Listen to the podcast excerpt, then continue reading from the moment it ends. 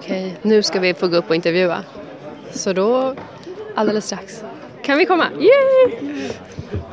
Hej! Hej, I'm super excited! Stort grattis hörni! David, Klara och Hasse, hur känns det nu? För jag är ju supertaggad och jag tänker mig att ni också är det.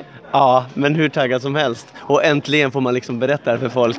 Man, eller jag i alla fall var så jävla stolt att jag ska göra det här så man vill bara berätta för alla. Och nu kan jag göra det. Finally, så hur länge har ni vetat om det här? Är det olika eller? Ja, vi har kommit fram till att det är lite olika. Eh, jag fick frågan i början på sommaren eh, och du fick i våras. Ja, våras. Ja. På senvåren fick jag frågan. Och jag, jag kan säga direkt, jag var tveksam. För jag, jag hade ju tänkt att jag skulle varva ner. det skulle jag ju göra innan Melodifestivalen förra gången.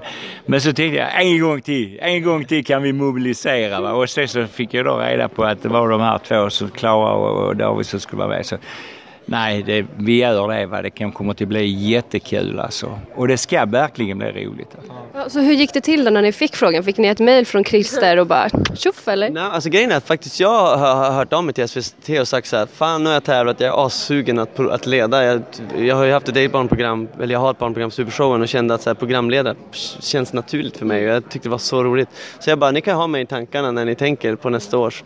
Så har jag också sagt, ingen har ringt mig än.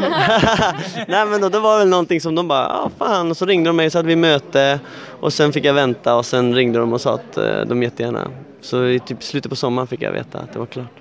Och du då Klara? Alltså jag fick ju ett mail från Anders som är producent där han skrev så här, hej Klara, eh, jag skulle vilja komma i kontakt med dig för en rolig grej.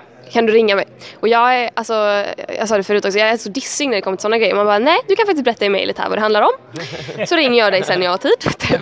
Och då skrev man så här, ja okej jag hade ju helst velat ha detta på telefon men jag jobbar med mello och bla bla bla. Så jag såg det och bara såhär, okej okej var det min mobiltelefon? Då ringer vi upp och bara, ja. bara, ja. Nej men då man bara så här, fan att jag inte ringde honom. Det hade varit roligare att få det på telefon. Men, eh, men det, ja, så gick det till. Och hur gick det för dig då? Nej, eh, alltså Anders kom hem till mig och sa att han ville prata med mig. Och, så han bor ju i Lund. Va?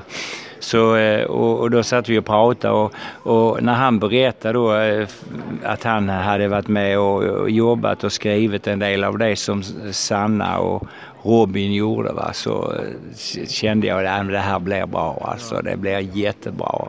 Och han är, det är en underbar människa, han är jätteduktig. Va? Så det, vi kommer att få allt stöd och all hjälp vi kan ifrån dem. Ja, teamet. trygga händer känns det som verkligen. Man har känt det från början att det känns verkligen som ett väloljat maskineri. De, de vet vad de håller på med så det känns... Ja men det är superkul. Tack så mycket och välkommen till programledarpodden. Ja, tack. tack. Hej då.